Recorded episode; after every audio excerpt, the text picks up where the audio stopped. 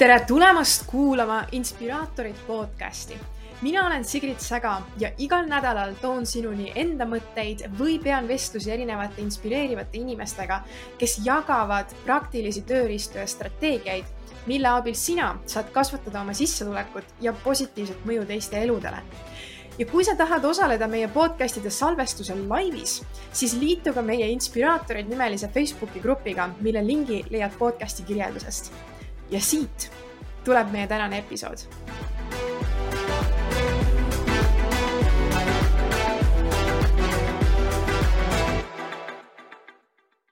no nii, tere imelist taaskordset neljapäeva. meil on siis jälle õppimisneljapäev käes ja me räägime täna videodest see teema, mis, mis meil täna koos Markiga arutelu tuleb, on kindlasti asi, mis igaühele sobib sest et me kõik tahame oma tooteid ja teenuseid paremini turundada. ja siinkohal, kui sa meid täna ka vaatad äh, laivis, siis sa saad kohe kommenteerida ka siia meile Facebooki. kas sa kasutad praegu videosid äh, enda turundamiseks ja ka siis oma toodete, teenuste tutvustamiseks, kas sa juba nagu kasutad seda ressurssi, mis tegelikkuses on üsna, üsna populaarne täna ükskõik millistel platvormidel ja täna mul on siis kõrval äh, Mark, et tegelikult äh, olete Marki juba ka näinud, Mark Väljak on äh, siis tegutsebki praegu just video, videode produtseerimisega, aga mina tean teda hoopis teisest kohast raamatumüügi ajast ja tegelikkuses meil oli ka temaga juba varasemalt üks sessioon. aga täna räägime siis hoopis teisel teemal. Ja tere, Mark siin on nagu minu jaoks on nagu huvitav kohe teada, on see, et kuidas sa üldse jõudsid videodeni et sa saad. sa mõtled siis äh, rohkem professionaalsest küljest? ja täpselt mm. -hmm. ütleme, kuidas ma esimest korda professionaalselt videomaailmas sisenesin, oli siis, kui ma tulin äh, kaitseväest, et see oli niisugune paar aastat tagasi ja ei olnud ühtegi nagu sellist pikemat plaani, et mida võiks elus teha ja siis läbi sõbra soovituse sattusin ühte videoproduktsiooni et seal ma siis alustasin müügi pealt, et mul varasemalt kogemust videomaailmast ei olnud, kõik oli nii uus ja põnev ja videod, kõik need suured kliendid, ägedad projektid, et see kõik oli väga põnev. ja siis ma niimoodi pihta hakkasin, et tegin seal müüki, ehitasin seal sellist müügiosakonda, erinevaid süsteeme, tegelesin uute klientidega, nõustasin kliente, panin neile strateegiaid paika ja siis täna ütleme, töötan ühes teises videoproduktsioonis nagu Hüpnofilms, et samuti teeme seal Eesti suurimate ettevõtetega koostööd, teeme seal väikestega, teeme keskmistega e, e-poodidega, B2B, B2C, et kõik käivad läbi, äh, ütleme siis väiksemal või suuremal määral. ja täna minu, ütleme selline põhiroll on seal ka, et olla enamasti projektijuht, samuti tegelen produtseerimisega, kui vaja, teen loovsisu, tegelen uute klientidega, et kõigega seal natukene puutun kokku väga äge, et see videode maailm on äh, praeguseks minu meelest üks, äh, noh, videod üldse on väga-väga populaarsed, aga kuidas üldse nagu peaks lähenema sellele, ütleme, et meil on siin äh, kogukonnas hästi palju inimesi, kes ongi võib-olla väikeettevõtjad ja just selline sihtrühm, kus müüakse pigem eraisikust klientidele et kuidas mhm. üldse, kust otsast pihta hakata nende videodega ja miks, miks äh, peaks üldse võtma tõsiselt seda videode strateegiat üldse mm? -hmm. see on äh, väga hea küsimus ja ma tegelikult ütleme siis alustaksigi natuke sealt, et, et miks peaks üldse hakkama äh, mingisugune siis ettevõte mõtlema nagu videote peale. ja ma läheks natukene nagu ajas tagasi et kui me vaatame nagu seda aega, et, et enne seda internetimaailma, enne seda kogu sotsiaalmeediamaailma, et, et mis tegelikult nagu toimus, et ettevõtted samamoodi tahtsid oma tooteid-teenuseid igale poole müüa ja, aga nende, ütleme siis äh, neid viise, kuidas sa said ennast turundada, et need olid, need olid nagu väga limiteeritud. näiteks panid mingi sildi kuhugi üles, tegid mingisugust printmeediat, et erinevaid neid meediaformaate sai veel kasutada ja siis ütleme nagu noh, alati olid kõvad ettevõtted need, kes olid kuskil nagu teles, et kui sa olid teles, siis kogu Eesti teadis sind, sa olid korraga kuulus, teadsid nii vana, vanaemad, vanaisad, lapsed, ma ei tea, mehed, naised, et kõik teadsid sind. ja mis siis nagu juhtus, oli see, et, et ajapikku, kui sotsiaalmeedia ja kogu see internetimaailm kogus hoogu, siis tegelikult tekkisid väga paljud erinevad viisid sinna veel juurde et ettevõtetel ei olnud enam nagu väga suurt noh, vajadust, et see vajadus on siiamaani, aga see vajadus minna näiteks telesse hakkas aina langema, sest et ettevõtted ja ütleme siis eriti need influencer'id avastasid, et tegelikult nende enda ütleme siis need kontod, kanalid, et need olidki nagu väiksed sellised telekanalid nagu telekas, aga lihtsalt väiksemate vaatajate arvudega. ja siis ma nagu näen ka, et tänapäeval on see maailm sellises kohas, et kus sul on väga lihtne leida üles oma sihtrühm läbi sellise suunatud reklaami. et näiteks, kui ma olen mingisugune töökoda, kes asub Raplamaal, minu sihtrühmaks on näiteks mehed, kes on kolmkümmend pluss aastat vanad, neile meeldib tehnika, tahaks neid kätte saada, siis mul on väga lihtne nad internetist üles leida ja suunata näiteks neile mingisugune video, mis räägib minu ettevõttest. et selliseid võimalusi varasemalt ajaloos ei olnud, aga täna on need kõik olemas ja siis, et miks nende peale mõelda, ongi see, et kui suur võimalus see on, et, et sa saadki lihtsalt otse nendega rääkida. ja siis sinna juurde läheb samuti veel orgaaniline turundus, et orgaaniliselt näiteks kui täna ettevõtted teevad meeletut kasvu Tiktoki pealt, teevad seda Instagram Reels idega, et siis neid edulugusid on väga palju täna igalt poolt välja tuua mm. -hmm. ja kuidas siis alustada üldse selle ettevõtte videostrateegia loomist? Et ma ise olen nagu ka äh, teinud videosid, aga ma pean ütlema, et mul ei ole seal mingisugust strateegiat. Et natukene ka võib-olla selline tunne ongi see, et, et nagu kohustus on või tunned, et video peaks tegema, aga milline video siis päriselt nagu turunduselt ka kasu loob või see strateegiliselt see lähenemine, kuidas see nagu teistmoodi on, et kas sa oskad nagu selle koha pealt kommenteerida, et mida peaks võib-olla silmas pidama selle strateegia loomise koha pealt? Mm. -hmm. ja et seal on, ütleme nagu kindlasti sellised väga konkreetsed hoiakud tihtipeale ja kohati on see ka natuke nagu laialivalguv, et kuidas mina tavaliselt aitan siis ettevõtteid, on see, et ma esimesena, esimesena üritangi alati aru saada, et, et, et mis nagu valdkonnas üldse ettevõte toimetab, kes on siis tema sihtrühm ja mis kanaleid üldse need inimesed tarbivad. et kui me näiteks räägime, et, et noh, ütleme, võtame näiteks B2B äh, ettevõtted et nende puhul kindlasti ei ole vaja teha sellist suuremahulist äh, reklaami alati või sellist suuremahulist turundust, aga näiteks kuidas aitab äh, ühte sellist ärikliendi ettevõtet video, on see, et kui me käime näiteks kliendi kohtumistel, me käime messidel, me saadame neid emaile, meil on koduleht, kuhu me kutsume inimesi, kus inimesed käivad läbi, käivad ennast harimas, siis tegelikult need on kõik kanalid, kus saab kuhu kuskil kohas kasutada videot näiteks ma ise teen niimoodi, et kui ma saadan meile välja, siis mul on meilides lisatud juurde link ja siis inimesed, kellega ma suhtlen, neil tekib kohe võimalus seda videot vaadata ja näiteks noh, ongi, et see on lihtsalt üks näide sellest, et kuidas see, kuidas seda on võimalik teostada. ja kuidas veel alustada, ongi see, et, et me peame aru saama, et kus kohas meie kliendid infot tarbivad meie kohta. ja mida ma alati veel ütleme ettevõtjatele räägin, on see, et kui me mõtleme selle peale, et kui palju on üldse erinevaid viise oma siis sõnumi edastamiseks internetis. et ma tahan, et vaataja korra mõtleks selle peale paar sekundit. ja näiteks noh, minu, minu nägemus ongi see, et meil tegelikult ongi tekst, meil on pilt ja siis meil on video, audio. ja, ja küsimus ongi see, et, et mis kõige paremini sõnumi kohale viib, et kui sul on vaja midagi väga lihtsat öelda, näiteks võtame Apple'i, et tema tahab öelda, et on uus iPhone, siis talle tegelikult piisab sellest, et lihtsalt teeme mingisuguse pildi, pildipostituse ja ütleme, et uus iPhone on väljas ja kogu maailm juba tegelikult teab. aga väiksemate ettevõtete puhul see pigem ei ole nii. ja kui tegu on veel ka näiteks keeruliste toodete või keeruliste teenustega, mille kohta puuduvad inimestel teadmised, siis seda olulisem ongi kasutada videot, et teha seda selgitustööd ja müügitööd. Ja jah, et, et see on, ütleme siis nagu paar sellist esimest, esimest, esimest mõtet mm. -hmm.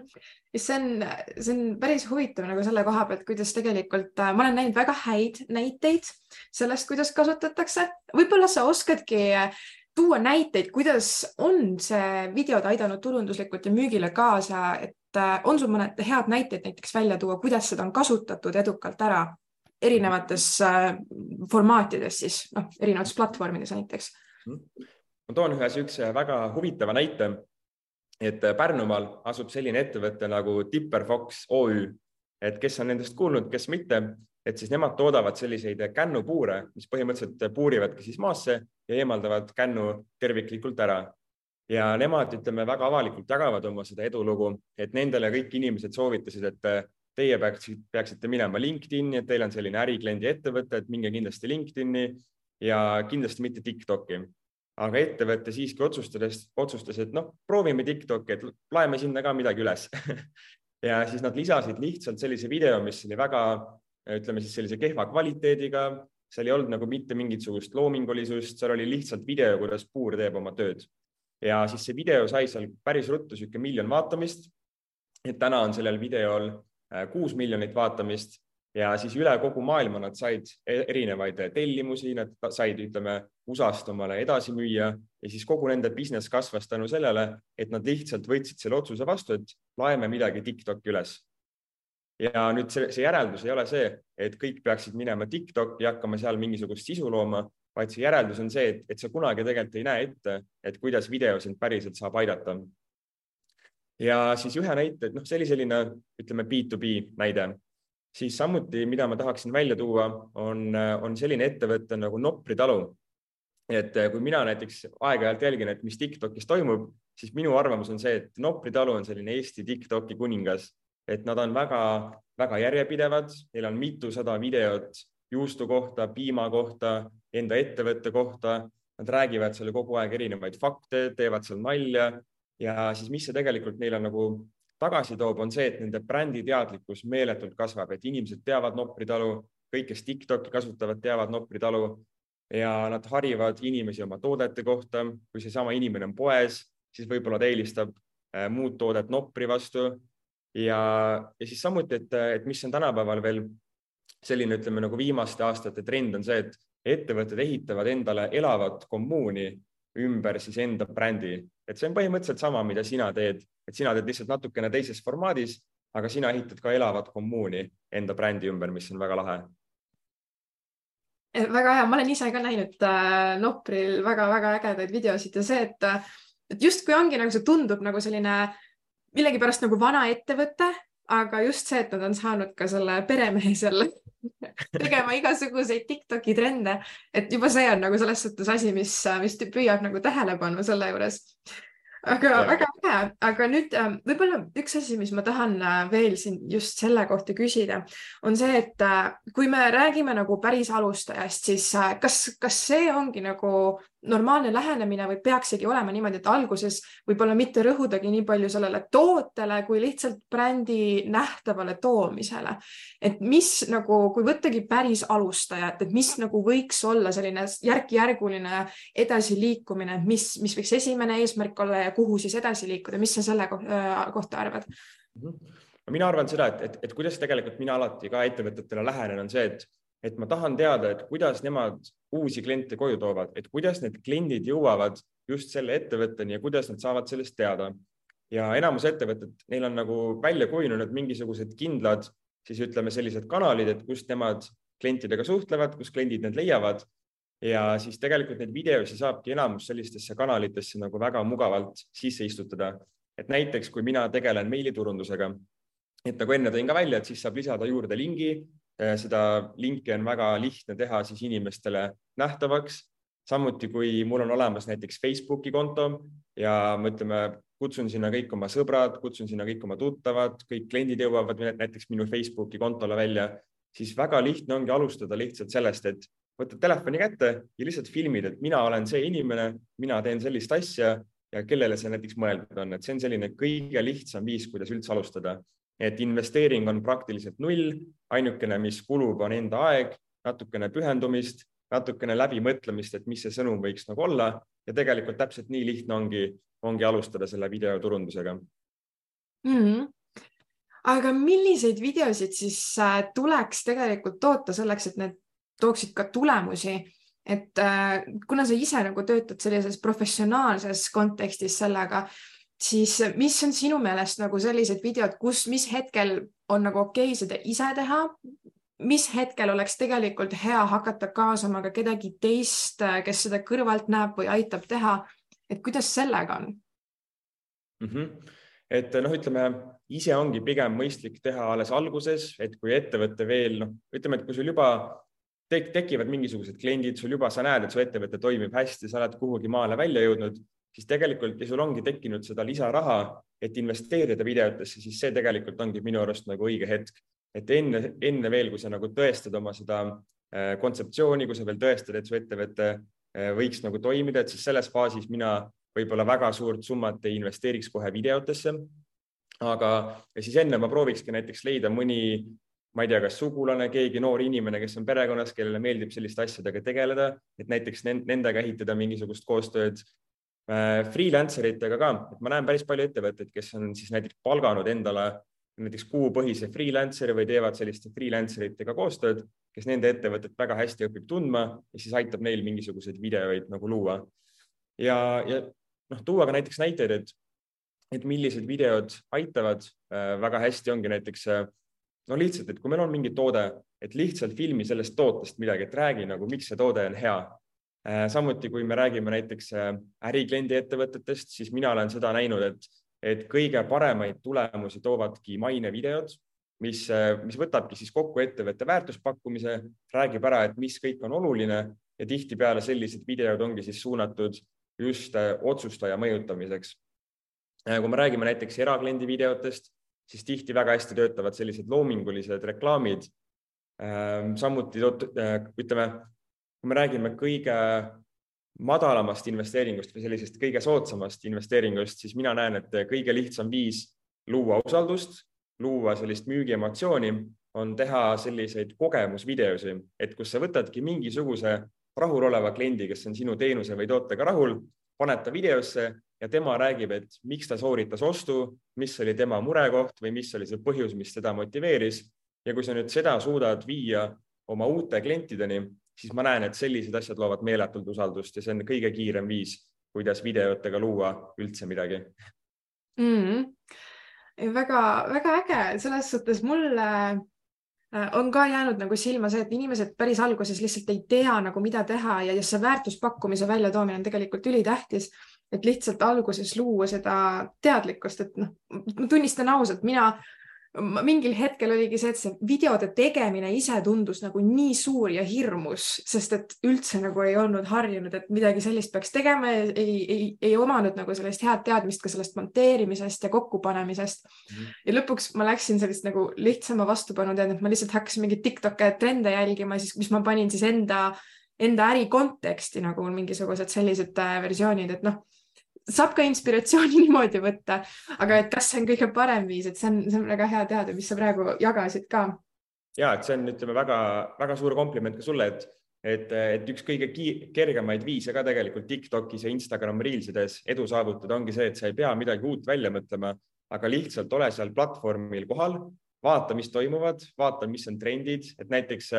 hiljuti oli see Barbi trend, et kui tuli see film välja, siis kõik tegid erinevaid Barbi-laadseid videosi, et väga lihtne oli, oli lihtsalt sinna peale hüpata ja siis selle rongiga nii-öelda kaasa sõita. aga üks mõte näiteks veel, ütleme ettevõtjatele, et kui nad mõtlevad, et milliseid videoid üldse peaks nagu tootma, on see, et kujutame ette, et kui mina ja sina istume tund aega ühes ruumis ja sul on tund aega, et rääkida mulle enda ettevõttest, miks see hea on ja üritad mind saada oma kliendiks siis suure tõenäosusega sa jõuad kogu olulise info mulle edasi anda, jõuad kõik asjad ära katta. aga nüüd, kui me mõtleme seda, et, et ettevõtjad, neil ei teki võimalus kõikide oma potentsiaalsete klientidega suhelda üks-ühele, et neid siis ümber veenda. ja siis küsimus ongi see, et eks iga ettevõtja saab aru, et mis on see puudulik info, mida inimesed tihti ei, ei tea, mida nad võiks teada, mis on need erinevad hirmud, mis valikud on näiteks veel turul ja siis, kui nende peale natukene mõtiskleda, siis tegelikult sealt tulevadki väga head videoideed, et seletame lihtsalt inimestele, et mis toimub, milliseid valikuid peaks tegema ja kas nad selleks lõpuks teevad selle valiku, seda me ei saa kontrollida, aga me saame seda lihtsalt mõjutada videoga. ja, ja samuti, et kui me vaatame seda, et kuidas inimesed käituvad tänapäeval internetis, siis tähelepanu on äärmiselt lühike. inimesed scroll ivad kõigest kogu aeg üle, nad pigem ei loe enam tänapäeval seda infot, et keegi ei lähe kodulehele ja ei loe seda otsast lõpuni igalt poolt läbi, vaid pigem tahetakse mõne kiire klikiga juba kohe aru saada, et mis, mis siin toimub. Ja siis video lihtsalt aitabki nagu hoida inimeste tähelepanu ühes kohas, et me jõuaksime minutiga rääkida näiteks edasi kogu selle olulise info ja väärtuspakkumise mm. -hmm. eks ka seal, eks ju, tuleb ikkagi vist arvestada sellega, et kuidas ma saan selle kõik huvitavaks teha, et inimene jääks sinna istuma nii kauaks ka. aga kuidas, kuidas teie mõõdate seda videode tõhusust, et siin ongi nagu ka see koht, et selleks, et olla nähtaval, noh üldse Tiktokis ja nagu kui sa vahepeal vaatad neid strateegiaid, siis mõned ütlevad, et sa pead kolm korda päevas postitama. aga nagu, kui sa toodad nagu nii suures mahus neid videosid, siis kuidas sa nagu mõõdad seda tõhusust, et kas see üldse on, kas see, mida ma teen, üldse töötab või ei tööta, kas ma peaksin midagi muud moodi tegema, et kuidas, kuidas teie lähenete sellele analüüsile äh, või teete te seda analüüsi osa ka mingil hetkel? ütleme ja, et me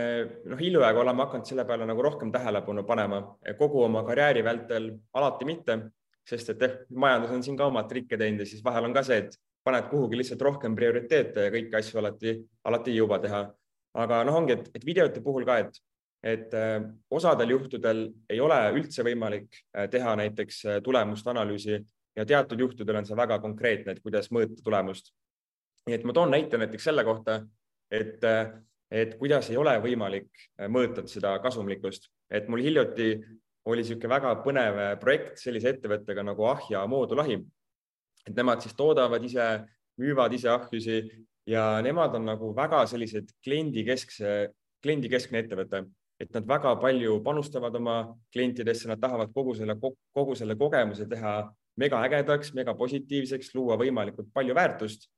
ja nendega me tegime näiteks sellise projekti, et kus me tegime õppevideod, et kuidas kütta ahju, kuidas hooldada ahju, mis on need asjad, mida tohib teha, mis on asjad, mida üldse ei tohi teha, mida üldse ei tohi sinna ahju loopida. ja siis iga kord, kui neil tuleb uus klient, siis nad jagavad kliendile neid videosi, nad õpetavad reaalselt mega palju klientidele kogu selle valdkonna kohta. ja siin on nagu raske mõõta seda, sellepärast et kui nüüd klient on näiteks rahul ja kolme aasta pärast tema sugulane Meelis küsib, et kuule, sul on äge ahi, et räägi, kust sa said, siis tolles hetkes ta soovitab sedasama ettevõtet, sest et nad lõid talle nii palju väärtust et sellisel juhul on väga raske mõõta. aga näiteks, kui me teemegi brand awareness reklaami, näiteks ettevõttel ongi mingi uus toode, nad teavad, et see, et see toode kindlasti läheb peale näiteks naistele, kes on vanuses nelikümmend pluss, siis me võtamegi sihtrühma. me teeme näiteks suunatud reklaami, et me teemegi kas brand awareness, mille eesmärk on lihtsalt nähtavuste saamine, et seal ei ole conversion kõige tähtsam, sest et eesmärk on lihtsalt seda teadlikkust suurendada kui me näiteks võtame eesmärgi, et äh, oluline on teha müüki, siis me saame track ida näiteks seda, et kui paljud inimesed klikkisid veebilehe peale tänu siis sellele reklaamile ja sealt saab juba väga hästi mõõta, et kui on ühendatud, ütleme Facebook Pixel kodulehega, siis saab väga hästi mõõta, et mitu inimest tuli reklaamist kodulehele, mitu jõudis ostukorvi ja mitu sooritas ostu. ehk siis seal on väga konkreetsed numbrid mm. -hmm. väga hea nüüd mul on üks küsimus äh, sotsiaalmeediakanalite väliselt. kui tihti või kas te olete teinud ka sellisel äh, puhul videosid, mis ongi nagu justkui sellised lipulaeva videod, mida näiteks kasutada veebilehel, kui tähtis oleks nagu, et sul oleks üks selline video, mis, äh, mis võtab põhimõtteliselt kokku, kes sa oled ja nagu selline ülihea tutvustus, mida kasvõi saategi näiteks pakkumisega koos kliendile.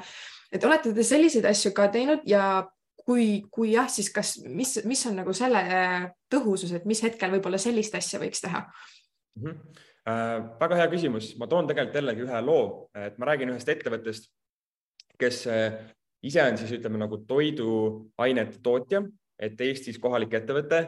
ja siis nemad olid päris mitu aastat tagasi ühes sellises olukorras, et kus nad tahtsid laieneda Euroopa turule, tahtsid meeletult panustada eksporti, edasimüüjatesse ja siis nemad avastasid ennast kohast, et kus need välismaa ettevõtjad, nad ei teadnud seda ettevõtet. Eestis on muidugi noh, üks kõige kuulsamaid selliseid toiduainete tootjaid. Ja ka välismaal täiesti null, et keegi ei teadnud, jutule neid väga ei võetud, nad avastasid, et keegi ei võtnud tõsiselt, arvati, et on lihtsalt mingisugune Ida-Euroopa edasimüüja ja siis neid kliendisuhteid oli mega raske ehitada ja siis nemad avastasidki ennast olukorrast, et okei okay,, lahendame selle kuidagi ära ja teeme sellise ärikliendi video. ja nüüd see video ei räägi lõpptarbijale, et kui hästi nende toode maitseb, kui tervislik see on, vaid see video oligi siis ainult kokku pandud ärikliendi otsustajatele, et kõik info, mis neile on oluline, ja kus nad seda kasutasid, oli koduleht, äh, kliendi kohtumised e, emailides ja siis kõik rahvusvahelised messid, kus nad käisid. Ja nende tagasiside peale projekti oli see, et meeletult palju lihtsam oli luua usaldust, et kui nad alustasid kliendi kohtumisi esimese asjana, vaatame minut aega mainevideot ja siis sellele otsustajale tuleb ühe minutiga kõik visuaalid ette, kõik need olulised väärtuspakkumised ja kõik on kohe nagu laual ja siis on palju kergem sealt liikuda edasi kui see, et me paneme esimesed kakskümmend minutit kohtumisest selle peale, et me lihtsalt tõestame, kes me oleme mm. -hmm. üks lihtne näide.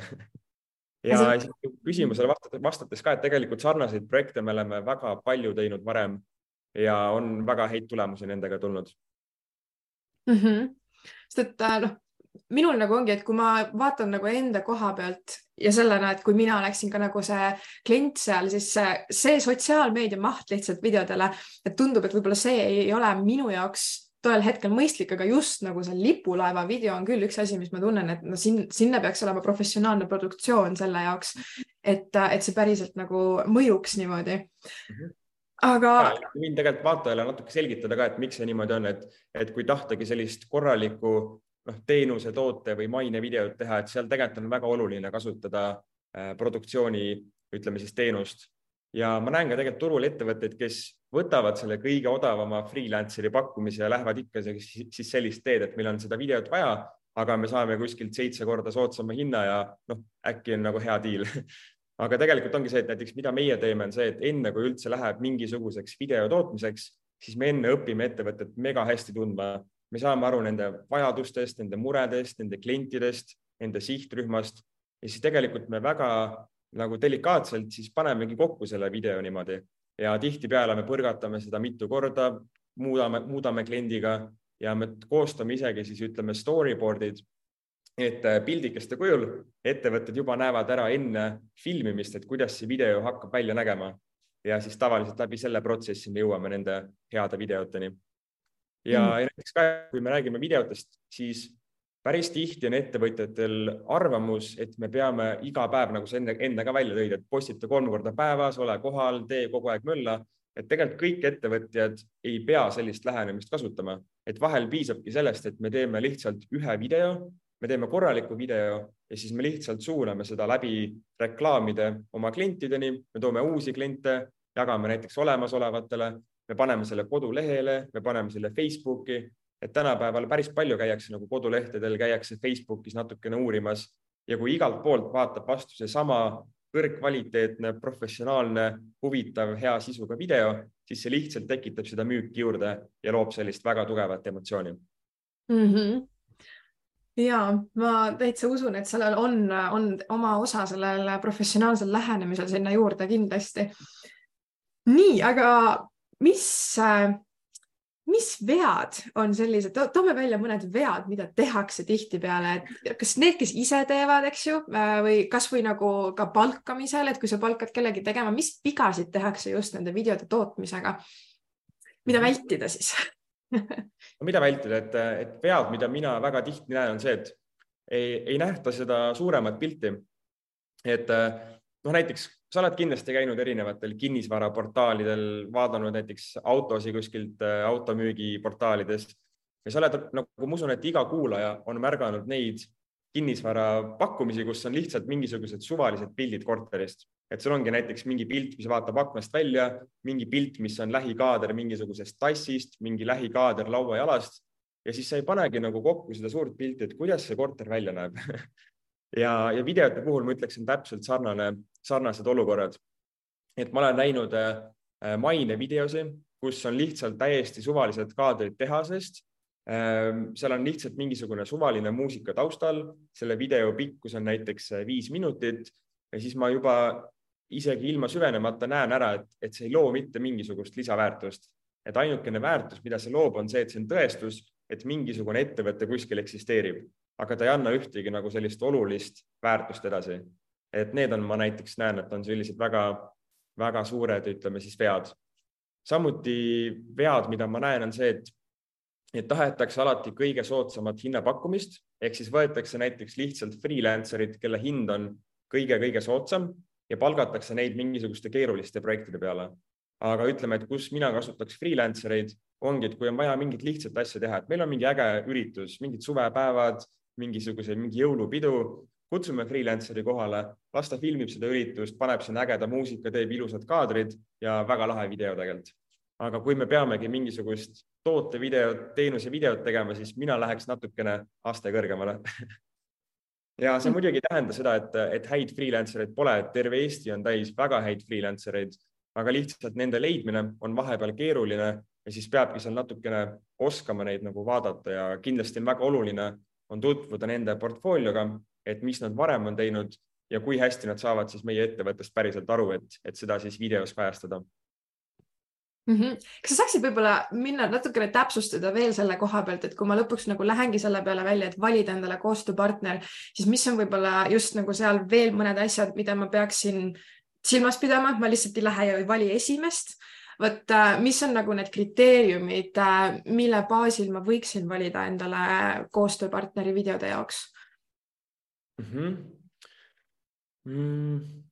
mõtlen korraks, noh, ütleme, noh, ütleme kõige suurem selline usalduse loomine, ütleme looja ongi siis see, et, mis sa varem nagu teinud oled, et kui, kui keegi ongi varem teinud ainult iluvideosi, siis noh, ta ei oska suure tõenäosusega seda tootevideot näiteks nii hästi teha, et, et see ongi üks võib-olla, et, et lihtsalt vaata selle inimese portfooliot väga hästi. Ehm, noh, see on niisugune üks, üks võib-olla mõte, mis mul tekkis.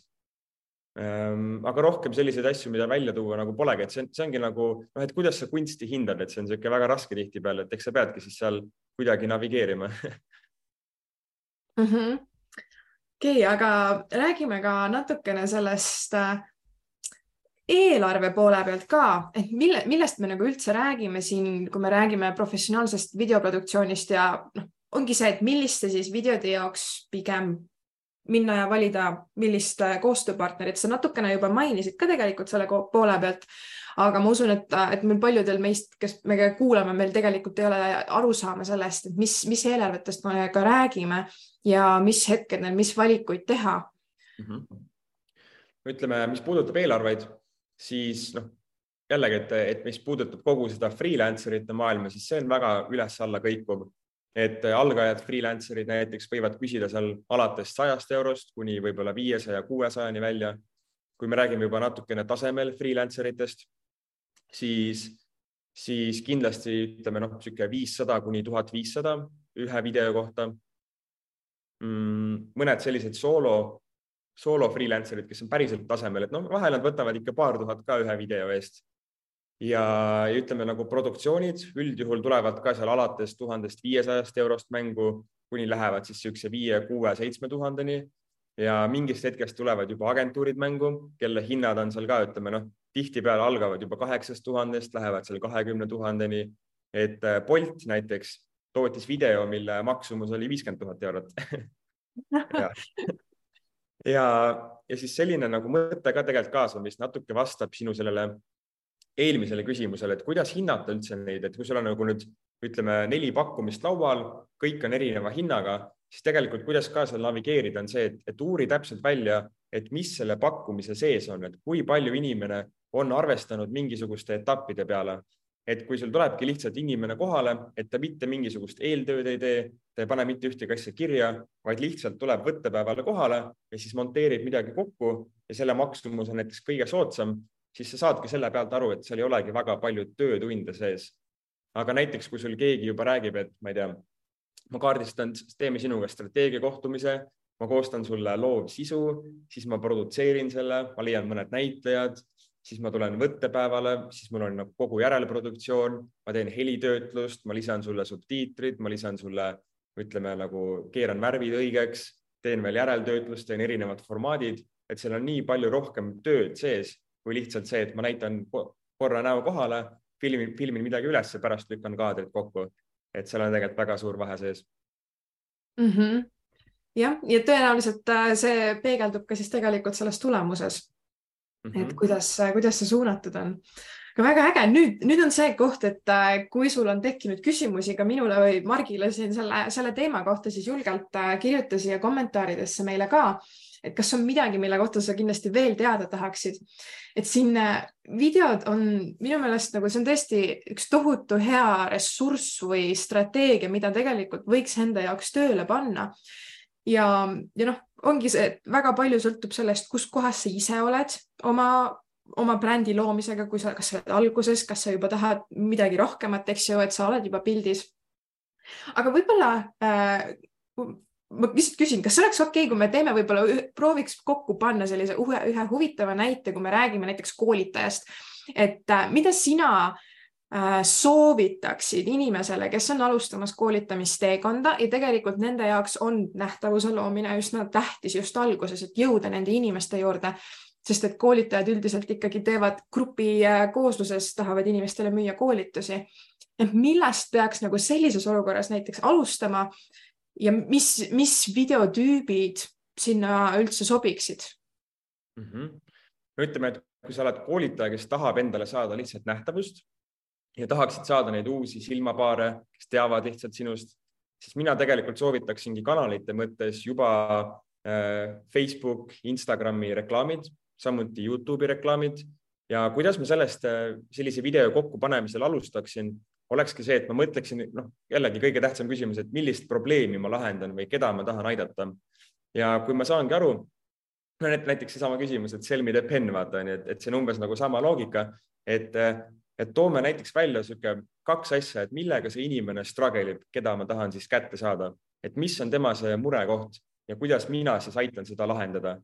Ja samuti ma tooksin sisse mingisugused näited, et kui ma koolitangi mingisuguse asja kohta, et ma kiiresti katan ära selle vajaduse, mida ma teen ja siis kohe toon mingisuguse näite, et näed, sellele inimesel, sellel ettevõttel, seal oli niisugune kogemus, mega lahe ja kui sind ka huvitab, siis tuleb see call to action, et, et kutsuda kuhugi kohale, et kutsuda kas oma Facebooki, kutsuda kuhugi tasuta webinarile, kutsuda kuhugi meililisti, kutsu kodulehele, et mis iganes see see platvorm lõpuks on, aga kuhugi sa pead alati inimese kutsuma, et kui sa tekitad selle huvi, müüd selle mõtte maha, aga sa teda kuhugi ei kutsu, siis inimene, ega ta ei võta ka nagu osa, et ta ei tea, kuhu edasi tulla.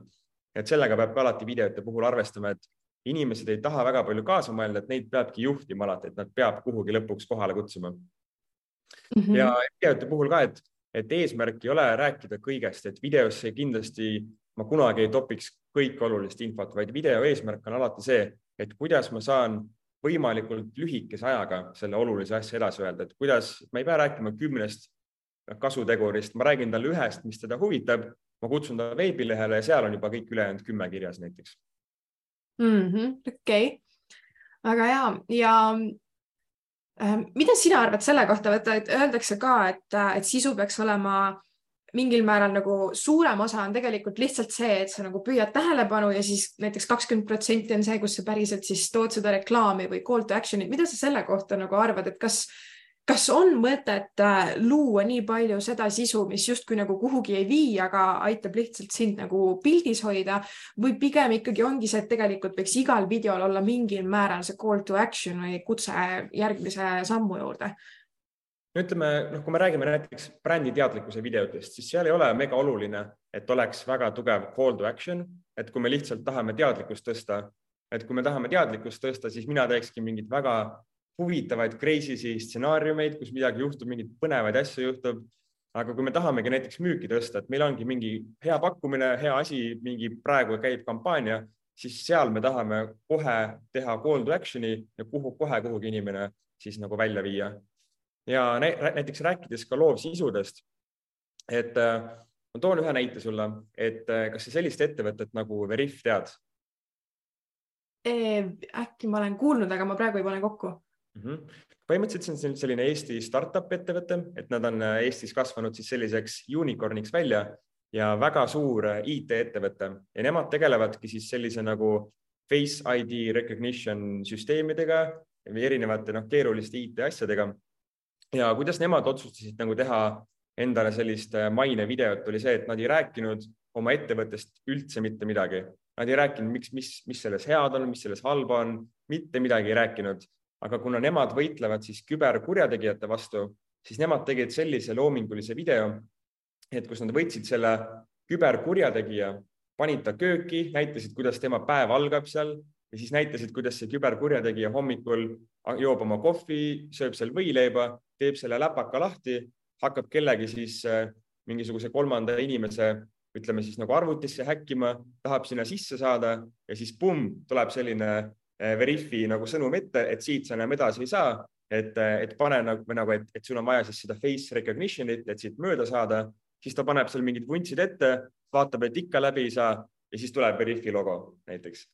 et et, et hoopis nagu teistsugune lähenemine, et me toomegi mingisuguse reaalse elulise olukorra Äh, et me näitame siis läbi selle, et kuidas see päriselt inimene seda asja, toodet, teenust päris maailmas kasutab või mil, mis nagu mõju sellel päris maailmas on? See, see on nii tuttav stsenaarium, ma olen raudselt seda näinud. Ja ma, ma tean, et ma olen mitu korda näinud ja ma olen mitu korda lõpuni vaadanud selle video. Üks, äh, üks nagu teine näide veel, mis ma saan tuua, et see oli juhuslikult hiljuti nägin ühte videot, mis oli sihuke hästi-hästi-hästi vana Mercedes-Benzi reklaam. Et see oli selline, et, et oli koer, kes oli siis armunud teise koera, ütleme siis oli noh, armunud teise koera peale ja siis ta nägi, et sellel koeral on keegi teine partner. Ja siis see koer nagu solvus ja ta hakkas lihtsalt jooksma ja siis terve video ongi see, et kus koer jookseb, jookseb, jookseb, jookseb läbi erinevate kohtade ja lõpuks ta jõuab sellise suure autotee peale, siis ta vaatab paremale, vasakule, vaatab ringi ja mõtleb, okei okay,, ma lähen üle, et seal nagu autod terve aeg sõitsid. Ja siis ta mõtleb, okei okay,, ma jooksen sealt läbi. Ja kohe, kui ta tee peale jõudis, vaatas vasakule, auto tuleb, aga ta jäi hetkega seisma ja siis näitas seda Mercedes-Benzi seda logo ja siis oligi umbes, et näed, meie pidurdame kiiresti jällegi, et, et video ei rääkinud, et kui äge bränd on Mercedes-Benz, aga näitas seda päris olukorda maailmast, kuidas nagu nende auto siis praktikas töötab. väga äge, aga kas sul on veel nagu võib-olla soovitusi just nende näidete koha pealt, et äh, on sul mingisugust materjali sellega, mis, mis nagu aitaks kokku tuua mõned sellised hästi head videonäited mm? -hmm. Äh, väga põnev tegelikult ja, et, et mul on, ütleme tänaseks siis selleks webinariks ma valmistasin ette, ütleme siis inspiraatorite kogukonnale ühe väga põneva tasuta üllatuse. et ma koostasin kõikidele siis sellise e-raamatu, et ma nagu enne mainisin ka, et siis ma alati, kui ma näen kuskil turunduses mingisuguseid videoid, reklaame, graafilisi disaine, siis ma teen kõikide kohta alati screenshot'e. mul on väga suur kogum erinevatest videotest, et seal on paarsada tükki vähemalt. ja siis ma panin inspiraatorite kogukonnale niisuguse e-raamatu kokku, et kus ma tõin välja parimad näited, tõin välja erinevad produktsioonide videod, freelancer ite videod, tõin näiteks välja mingisugused köögipaigaldajad, kes tegelevadki lihtsalt sellega, et nad paigaldavad inimestele kööke ja kuidas nemad kasutavad näiteks videosi kuskil äh, Instagrami reklaamis näiteks. samuti ma tõin välja seal kõik erinevad siis ütleme populaarsemaid kanalid, kus videoid kasutada, mis on sellised praktilised nõuanded ja samuti kõige lõpus, kes selle faili avab, selle e-raamatu läbi loeb, siis seal kõige lõpus on väike kingitus ka siis äh, kogukonna inimestele, et tasub kindlasti üle vaadata, et seal on päris mitmesaja tunni väärtuses tööd, mis on siis kokku koondatud ühte punkti, et väga palju näiteid ja sihuke, kes, keda väga huvitab, siis niisuguse kümne slaidi jagu on seal materjali, millega tutvuda, et saab ka sellist väga head lisaväärtust. Väga hea ja Agnes pani selle kommentaaridesse ka ja podcast'is äh, seesama link on olemas ka podcast'i kirjelduses hiljem nii et, äh, et aitäh, see on väga-väga äge materjal, ma ise ka vaatasin seda ja see on äh, kindlasti nagu nendele, kes tahavad äh, videosid rohkem kasutama hakata, siis see on selline hea algusmaterjal, kust pihta hakata ja vaadata mm, -hmm. mida silmas pidada. ja et, et näiteks ma tõin seal välja ka erinevad, ütleme Nopri talu videod, et seal on nagu noh, nii hästi on näha, et Nopri talu on lihtsalt mega hea eeskuju sellest, et kuidas saab väga lihtsate vahenditega teha midagi ägedat et Nopri talu, noh, minu hinnangul enamus videod, mis nad teevad, on lihtsalt telefoniga filmitud, mõeldud mingisugune, mingisugune nali välja, et istud poistega saunas, sul tuleb mingi megaäge nali, pane kohe videosse, tee, võta kohe telefon, tee mingi kohe seesama video näiteks ära. et terve Nopri talu ongi, ütleme selliseid kavalaid asju täis, mis on megalahe ja sealt kindlasti näeb siukseid erinevaid näiteid. samuti ma tõin välja näiteks seal Tipperfoxi näite, tõin noh, ütleme väga palju erinevaid näiteid, et väga palju saab sealt kindlasti väärtust meile tuli üks küsimus, kas seda tohib, äh, seda äh, e-raamatut tohib seda edasi jagada ka ettevõtluskoolitusel? millisel ettevõtluskoolitusel et Mati, kui sa saad täpsustada selles mõttes ja, et kui see, kui see loob kelle, selle, selle kogu e-raamatu eesmärk tegelikult ongi lihtsalt see, et tõsta inimeste teadlikkust, anda neile praktilisi näpunäiteid ja sellist väärtust, mida ma lihtsalt näen, et enamus ettevõtjaid ei tea või see kuidagi jookseb nendest mööda. Et kui see kellelegi loob vähegi väärtust, siis minu poolest jagage ükskõik kellele, et selle ainukene eesmärk ongi väärtust luua ja teadlikkust tõsta. väga hea ja et see tasub, tasub vaadata, mis seal on ja võtta endale ka sealt äh, neid tähtsaid äh, mõtteid kaasa. aga nüüd, äh, kas meil vist rohkem küsimusi praegu ei olnud? Aga tõesti, minu jaoks oli hästi-hästi mõnus kuulata seda ja päriselt aru saada, et mis seal videomaailmas ka taga on, sest et, et, et nagu sa ütlesid, see läheb tihtipeale mööda, sest et sa oled selles ise tarbija funktsioonis ja võib-olla sa ei pane nagu tootmise poole pealt, sa ei oska seda tagatausta niimoodi näha, et mis need mõtted seal taga on. et siis on hea, kui keegi nagu täpsustab selle koha pealt ja näitab, mis seal tagataustal toimub ka. Et kas on midagi võib-olla, mida sa tahad veel lisada siia äh, lõpusõnadeks ka? Ja võib-olla nagu üks küsimus, mida ma sinu käest küsiksin, ongi see, et millega sina tunned, et sa saaksid nagu äh, aidata ja kust, kust sinu kohta nagu ka rohkem teada saab ja selle kohta, mida teie teete oma produktsioonis? Mm? -hmm no ütleme, kõige lihtsam viis, et näha meie tehtud näiteid, meiega tutvuda, meie meeskonnaga ongi lihtsalt äh, hüpnofilms.com, et minuga saab ühendust võtta mark at hüpnofilms.com, selles samas e-raamatus ka ja kogukonnas kindlasti seda see link on olemas, et sealt saab kogu info ilusti kätte. millega, ütleme siis meie tegeleme, on see, et meie põhifookus läheb ikkagi sellistele, ütleme siis nagu produktsiooni tasemel videotele. et kui keegi tahab näiteks, et kui keegi tahab abi, et kellel võib-olla polegi üldse suur eelarve, tahab midagi lihtsat, võib-olla tahab aastas mingi ühe video toota, võib-olla, võib-olla ta näeb, et video on midagi sellist, mida oleks tulevikus vaja, aga täna tegeleb näiteks mingisuguste tulekahjudega siis kuidas mina ettevõtteid aitan, ongi alati see, et mina lihtsalt nõustan, koolitan neid, äh, õpin nende kohta kõike tundma, annan soovitusi ja kellel iganes kunagi see aeg on õige, siis eks nad tulevad alati tagasi, et minu eesmärk kindlasti ei ole inimestega kohe, ütleme, mingisuguseid projekte alustada, vaid pigem mulle meeldibki aidata ja õppida ettevõtteid tundma ja luua sellist ägedat väärtust. Ja samuti, et kui, kui keegi, keegi tahab näiteks videote kohta abi, aga meie produktsiooniteenused jäävad liiga kalliks, siis me teame väga palju freelancer eid, me teame väga palju algajaid videograafe, keda me ise usaldame, keda me ise teame, et nad teevad head asja ja me saame alati nende inimestega ka kokku viia, et lõpuks klient võidaks, et inimene saaks ägeda video ja et see päriselt tema ettevõtet ka aitaks. Ja,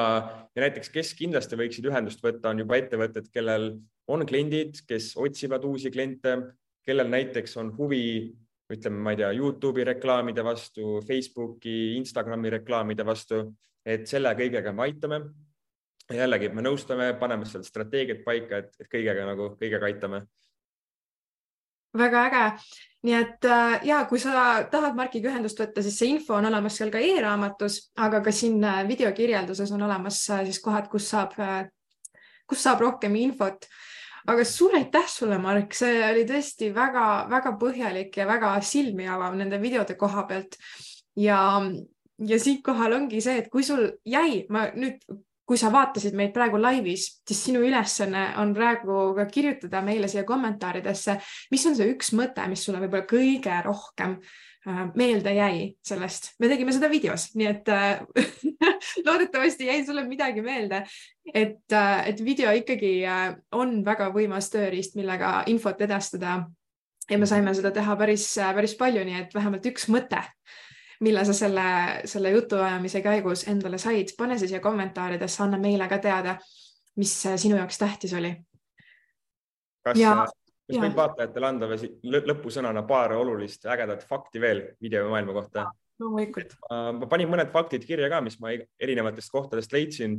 aga jällegi, et tõsta seda teadlikkust, et miks üldse videote, videotele panustada, on see, et statistika näitab väga selgelt, et inimesed kulutavad videosisu tarbimisele viis korda rohkem aega kui tekstide lugemisele ja piltide vaatamisele. ehk siis sul on võimalus, sinu ettevõttel on võimalus viis korda rohkem olla kokkupuutes nende inimestega ja oma sõnumit edastada. samuti inimestele jääb meelde üheksakümmend protsenti nähtud videost jääb neile meelde.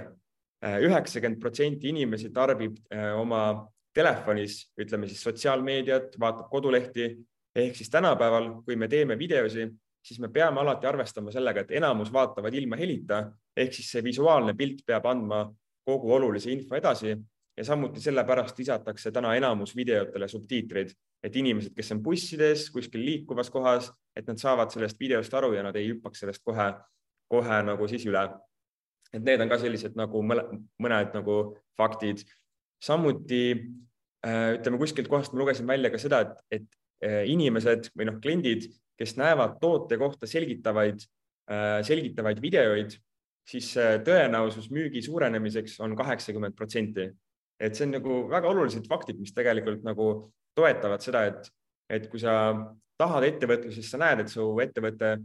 on siin, et jääda, on siin, et kasvada, siis videod kindlasti mingil hetkel tulevad mängu ja aitavad sul seda kõike saavutada. Aitäh, need on tõesti väga-väga head faktid nagu numbrid, mida tegelikult isegi ei oska oodata ja nüüd sa tead, nüüd sa tead tänasest sellest, et mida teha selleks, et need videod enda jaoks päriselt tööle panna ja kust otsast alustada, kui sa oled ka alguses või kui sa oled ka edasi jõudnud. nii et äh, mis, mis iganes sa siit täna kaasa võtsid, kasuta seda. Ära jäta seda lihtsalt sahtlile, sahtlisse tolmu koguma ja pane enda jaoks ka need videod tööle niimoodi, nagu nad peaksid töötama aga aitäh, et sa täna meil laivis kohal olid ja kui sa seda ka podcast'ina vaatad, et äh, siitkohalt ma soovin sulle imelist nädala jätku ja järgmiste kohtumisteni. tšau. aitäh ka minu poolt, tšau. aitäh, et kuulasid Inspiraatorid podcasti. Kui sulle tänane episood meeldis, siis like'i ja subscribe'i meie podcastile, et sa ei magaks maha meie järgmisi osasid ja kui sul oli täna mõtteid, mida sa endaga kaasa võtsid, siis jaga seda ka teistega, sest üheskoos jõuame inspireerida rohkemaid inimesi tegutsema kohtume juba järgmises episoodis.